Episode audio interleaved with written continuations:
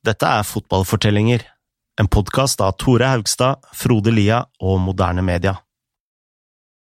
Mens Real Madrids Galacticos er i ferd med å falle sammen, gjør Barcelona seg klar til å velge en ny president. En av kandidatene er Joan Laporta, en ung og karismatisk advokat som skal legge grunnlaget for Barcelonas suksess under Pep Guardiola. Ingen forventer at Laporta skal vinne valget.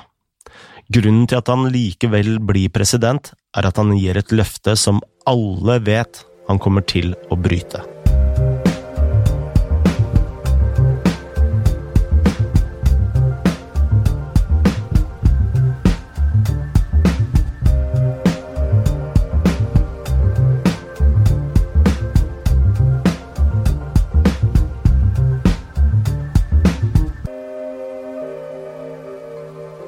Tore, vi har jo snakket om hvordan Florentino Perez eh, kjøpte disse store stjernene og skapte et nytt Galacticos-lag. Hvordan går det med Barcelona i denne perioden?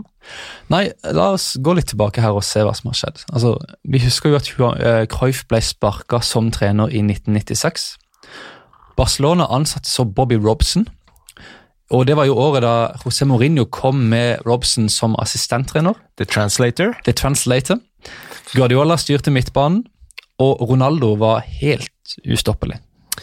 Jeg husker noen av de eh, soloraidene til eh, Ronaldo. Mm.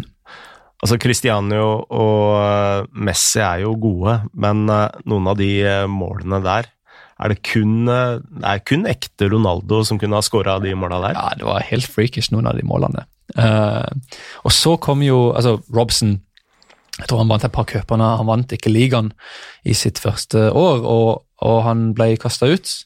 Så kom Louis van Gaal og vant et par ligatitler. Og så, i 2000, mista altså Barcelona sin kjære Luis Figo til Real Madrid. Hvordan reagerte Barcelona etter å ha mista Figo? Nei, ikke særlig bra. Altså, de hadde jo penger, men uh, de brukte jo disse på spillere som f.eks. Fabio Rock Rockenbach og Philippe Christian Wall. Store navn. Store navn, altså With all due respect, det var liksom ikke akkurat de spillerne som skulle løfte Barcelona da, til nye høyder. Og De neste årene så sparka Barcelona i tillegg trenere i øst og vest. Van Gaal var tilbake i en liten periode. Og Fra 2001 til 2003 kom da Barcelona på fjerdeplass, fjerdeplass og så sjetteplass.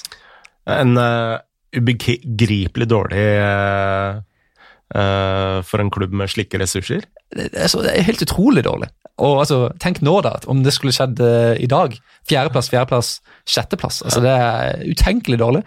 Så i 2003 sa presidenten Juan Gaspart opp, og det betydde et nytt presidentvalg.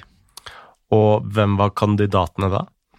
Nei, så Den store favoritten her var en fyr som het Louis Bassat han hadde, altså Det er jo ofte sånn at spillerne, nei, eh, eh, presidentene får sånn offisiell støtte da, fra gamle legender og sånn. Skjønner. Bassat hadde med seg Pep Guardiola, som nå var en legendarisk tidligere kaptein. En av outsiderne i valget var Juan Laporta. En energisk og litt sånn rebelsk advokat. Veldig glad i Catalonia og liksom mm. Catalonias verdier. Og han var jo en av de som hadde idolisert Cruyff på 70-tallet. Men uh, Laporta var vel ikke alene her. Hvem andre var det han hadde på teamet sitt? Nei, En av de han hadde med seg, var jo Sandro Rosell, som senere skulle bli president, men som på denne tida var mest kjent for å ha vært en direktør i Nike. Men altså, sant, dette var jo en ukjent gjeng på den tida, og Guillaume Ballagé var lenge overbevist om at Louis Bassat kom til å vinne valget. I, I myself assumed that that was the case because you sensed that uh, that he had managed to get what it is a very divided club uh, seemed to have got all the factions together. And then I remember going into Sky Sports News and telling the story more or less as I'm telling it now. Basata, the favourites, John Laporta, of course, is this young, uh, young personality uh, with a lot of Aura, uh, next to him, Sandro Rossell, another young person with, with a lot of uh, influence. But it seemed like they were going to lose against Bassat. And then I got a phone call uh, from Jordi Cruyff. and he said, "Look, I, I watched what you said, um, and I think you're not right. I think you're wrong. I think you should realize who is behind uh, Laporta and Rosell." And despite the fact that Pep Guardiola, for instance, uh, a legend, of course, at the club, is with Bassat, I think there's going to be big things happening here, and there is big names behind uh, behind Laporta that would actually change the perception. So I started inquiring, and very soon I realized that Johan Cruyff was behind Laporta. Not just that, the way that uh, Laporta and Rosell approached the elections was certainly uh, innovative, creative, a lot of energy. And Bassat all of a sudden seemed like the old man. They seemed like trying to be far too cautious and diplomatic. And then, of course, there was the uh, the suggestion that David Beckham was going to come, or that there was an agreement with David Beckham. There is a story behind that, of course. And Laporta was available for interviews. Uh, he did uh, a, a, live link with Sky Sports News, which at the time was the, the longest interview ever anybody's given on Sky Sports News. It probably lasted about 20 minutes. But he knew exactly what he was doing. He was, he was buying the attention of everybody and eventually convinced the fans of Barcelona that he was the man that should be in charge and a new era of Barcelona started. Certainly uh, a new way of looking into how to run the club and push Barcelona into, into the 21st century. Med sin energi og sine lure metoder vinner Joan Laporta valgkampen til å bli president i Barcelona. Men stopp et sekund her, eh, Tore. Mm. Sa ikke Ballagé at David Beckham egentlig skulle til Barcelona? Han sa det. Den samme David Beckham som eh, gikk til Real Madrid like etter valgkampen? Ja.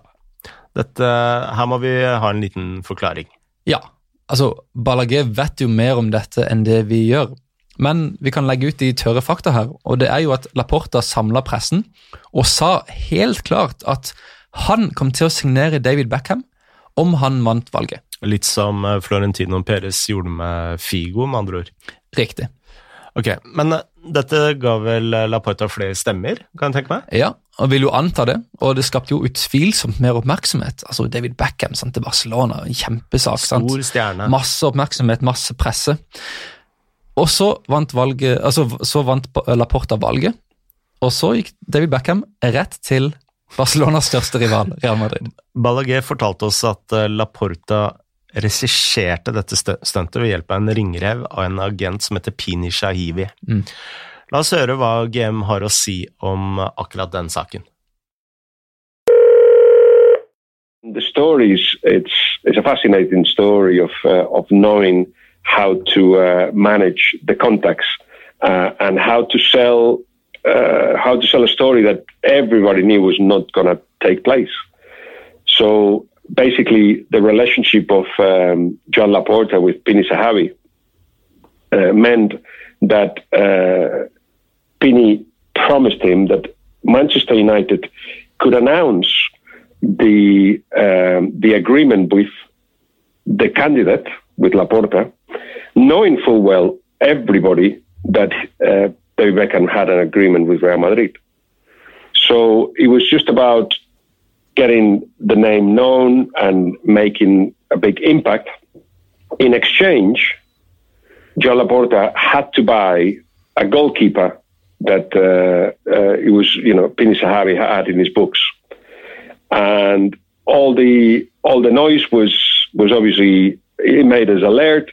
Uh, I opened the doors of Sky Sports News and Sky Sports for Laporta to tell his story in much more detail than Bassat, even though I also tried to get Bassat uh, and I spoke to him. But Luis Bassat had a had a thinking that you know he just had to influence the local voters, didn't need to convince the rest of the world. As I said, Laporta was looking at it from a completely different different way. And eventually, what happened, of course, that David Beckham went to Real Madrid. Rustu, uh, the goalkeeper, went to Barcelona as part of the deal with Pini Sahabi and uh, John Laporta became the uh, the president of Barcelona uh, after turning everybody's heads and and realizing everybody that with Johan Cruyff next to Laporta, they could not go wrong. Johan Laporta kjøper ikke David Beckham fra Manchester United. Man får tak i en annen stjerne. I 2003 kjøper Barcelona Ronaldinho fra PSG, og da skulle man jo tro at Barcelona var på vei tilbake mot toppen. Ja, men sånn var det ikke i det hele tatt, iallfall ikke i starten. Etter de første 18 ligakampene under Laporta sin ledelse lå Barcelona på tolvteplass. Altså, Hermin, det her er jeg, altså, jeg kan ikke huske det har skjedd med verken Real Madrid eller Barcelona etter en så, altså, etter halvspilt sesong. Mm. Og altså, du kan tenke deg denne unge nye presidenten som liksom kommer inn og lover gull og grønne skoger. Og vært veldig rapp i eh, kjeften på godt norsk. Ja, ja, ja, og så, og så gjør de det så dårlig. altså Fyren fikk jo drapstrusler. Og eh, Frank Rijkaard, som var treneren da, han så ikke ut til å ha peiling i det hele tatt. Men eh, hva var det som reddet uh, Laporta? Nei, Barcelona tok seg sammen etter jul og klarte å avslutte sesongen på andreplass bak Rafa Benitez sitt Valencia-lag. Mm. Og så på sommeren så klarte jo Barcelona å hente veldig mange gode spillere. Det var jo i 2004, da de kjøpte Deco, Gieli og Samuel Eto, uh, for å nevne noen. Ja, og altså, det var jo, jeg husker det laget godt, det var jo nydelig. Uh, DK Savi styrte midtbanen. Rafa Marquez med de lange passene ja, ja, ut mot vingen. med det, Den arrogansen, den rake ryggen. Mm. Uh, Julie straks spiller langs høyre. Ronaldinho skar inn fra venstre. Og Eto da, som banka inn mål på topp. Barcelona vant La Liga i både 2005 og 2006. Mm. Og en av episodene jeg husker best fra den tiden, er da Barcelona vant 3-0 på Santiago Bernabeu, og Ronaldinho fikk stående applaus av Real Madrid-fansen. Da har du hatt en rimelig god dag på kontoret. Jepp. Men eh, ja, Barcelona vant jo også Champions i 2006, en, altså the double. Og I det hele tatt så var jo dette en enorm suksess både for Rijkaard og Laporta, og ikke minst Johan Cruyff, som nå fungerte som en slags uoffisiell rådgiver for Laporta. Jeg husker at Laporta sa en gang at liksom jeg, jeg, jeg, gjør ikke noe spesielt, jeg bare gjør det som Cruyff forteller meg at jeg skal gjøre. Okay. Men så begynner det å gå nedover? Ja så begynner det å gå nedover. Um, etter sommeren 2006 så så Rijkaard ut til å miste grepet litt. Um, Real Madrid vant tittelen i 2007 under Fabio Capello. Og Den tittelen ble faktisk avgjort på interne oppgjør mellom Real Madrid og Barcelona. Og så Det var ikke målforskjellen som avgjorde det? Nei. Real Madrid, Jeg tror Real Madrid hadde vunnet én, og så spilte de den andre uavgjort, så de okay. vant liksom på det. Og, men det sier jo litt om Real Madrid sitt spill i denne sesongen at Capello likevel fikk sparken. Mm. Og uh, Det skulle egentlig være en god avgjørelse for Real Madrid på kort sikt, fordi året etter så vant de en ny tittel under Bernt Schuster. Og det året havna Barcelona 18 poeng bak toppen. Dette var jo også på tiden uh, uh, hvor Ronaldinho var veldig mye ute på byen og festa. Og, ikke bare Ronaldinho, men flere av spillerne ble beskyldt for og kommer for, stadig kommer for seint til treninger. Deko, blant annet, var jo ja. en av de uh, i den gjengen der. og jeg tror en av de tingene Barcelona var veldig bekymra for, det var jo at de nye talentene, deriblant Lionel Messi, så jo veldig opp til Ronaldinho. og det hendte jo at Messi også fikk være med Ronaldinho ut på byen mm. og sånt, og at uh, det skapte en stor bekymring uh, for at dette skulle spre seg videre ut i spillergruppa. Ja, og Rijkaard var jo ikke noen sånn her uh, jernmann, sant. Han var litt sånn, litt sånn nice guy-image, da. Ja. Og til slutt så hadde ikke Barcelona noe valg annet enn å sparke Rijkaard. Men før han sa takk for seg, da, så hadde han jo gjort noe som skulle bli veldig viktig for Barcelona. Han hadde gitt debuten til Lionel Messi. Det finnes mange historier om hvordan Barcelona fikk tak i Messi. Så det er kanskje verdt å ta med hva som faktisk eh, skjedde, Tore? Ja, altså dette er jo et Det er jo altså, så god har Messi vært at du kan anse det som et vendepunkt i El Clásicos nyere historie. Mm. Og det er jo få som vet mer om dette enn mannen som skrev bok om Lionel Messi. La oss høre fra Guillem Balaguer. Uh, there's so many stories about how Messi made it into Barcelona. There is one that has been more successful than others, uh, and and we have to go for that until anybody proves it differently. And basically, it was um, it was a suggestion by a um, Spanish agent uh, Minguella, who himself had been told by others, by Argentinian agents based in Barcelona, that there was this this kid in Argentina that had to be seen. So at the time, Barcelona wouldn't send a scout to see him, especially because he was only very young.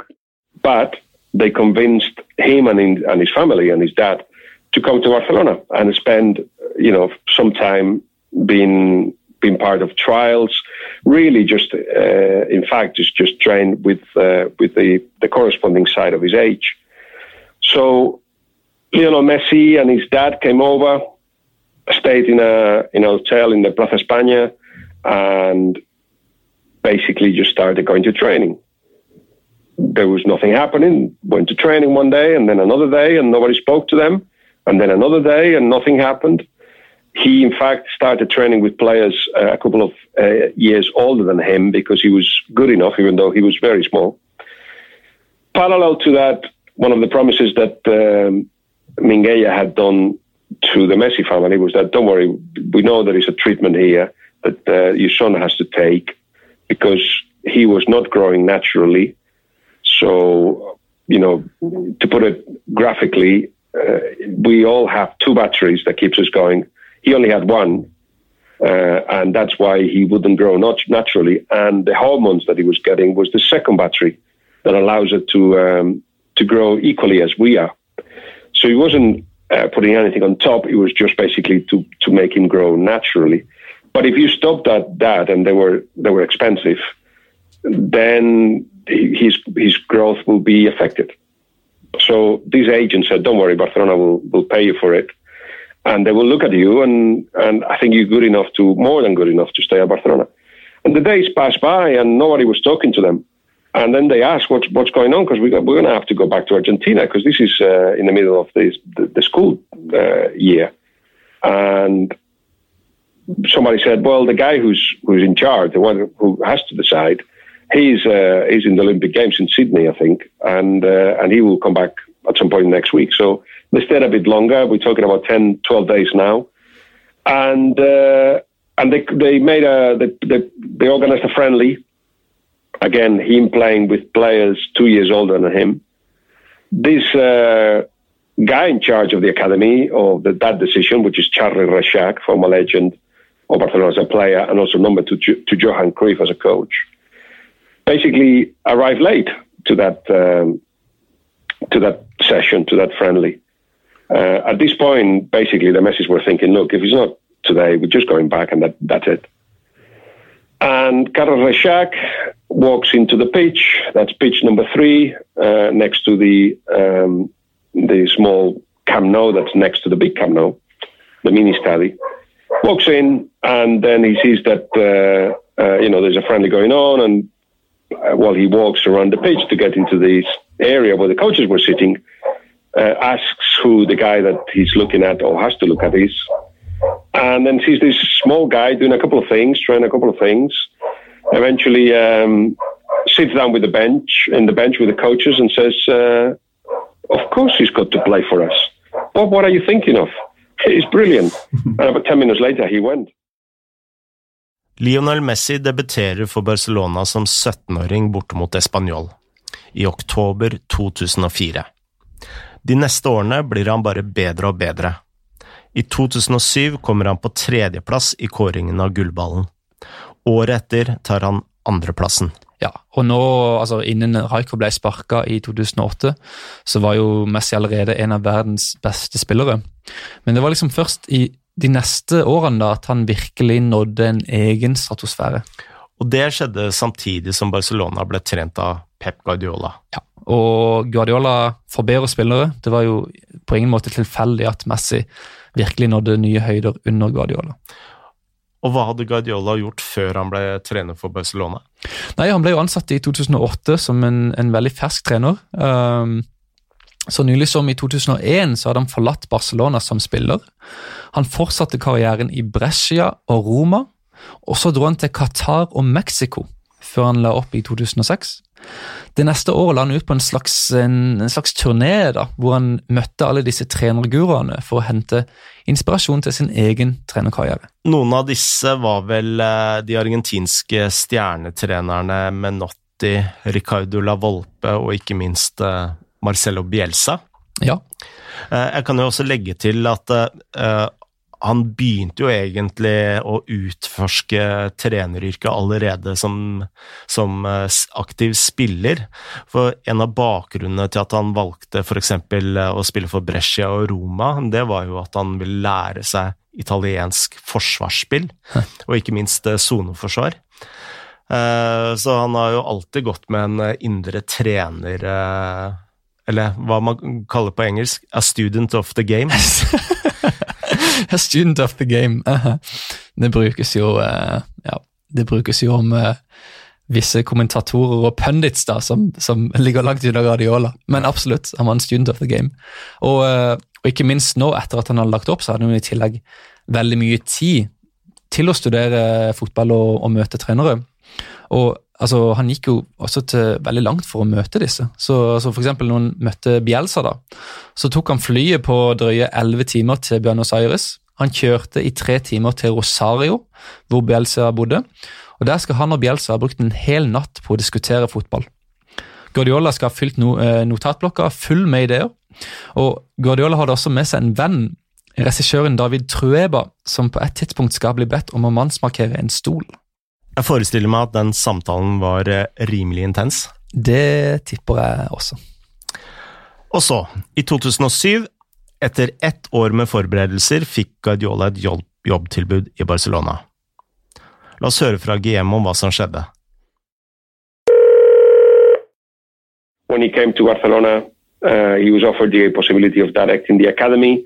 He said, no, but give me the third division side. Uh, that's uh, fourth tier of Spanish football, and I'll see what I can do with that. And that was his PhD in football. Uh, it was a, you know, the, the Barcelona B. It's a title that nobody gives him, but he won the league that year.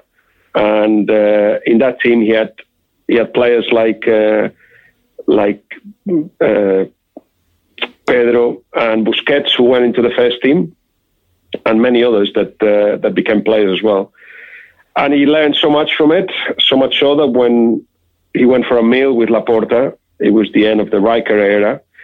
They had a lot of wine, and uh, basically Laporta said, "Would you take the first team next year?" This is after just one year in, in the B side and one year experience as a coach. And Pep Guardiola answered, "You won't have the balls to offer it to me," and I think the rest is history.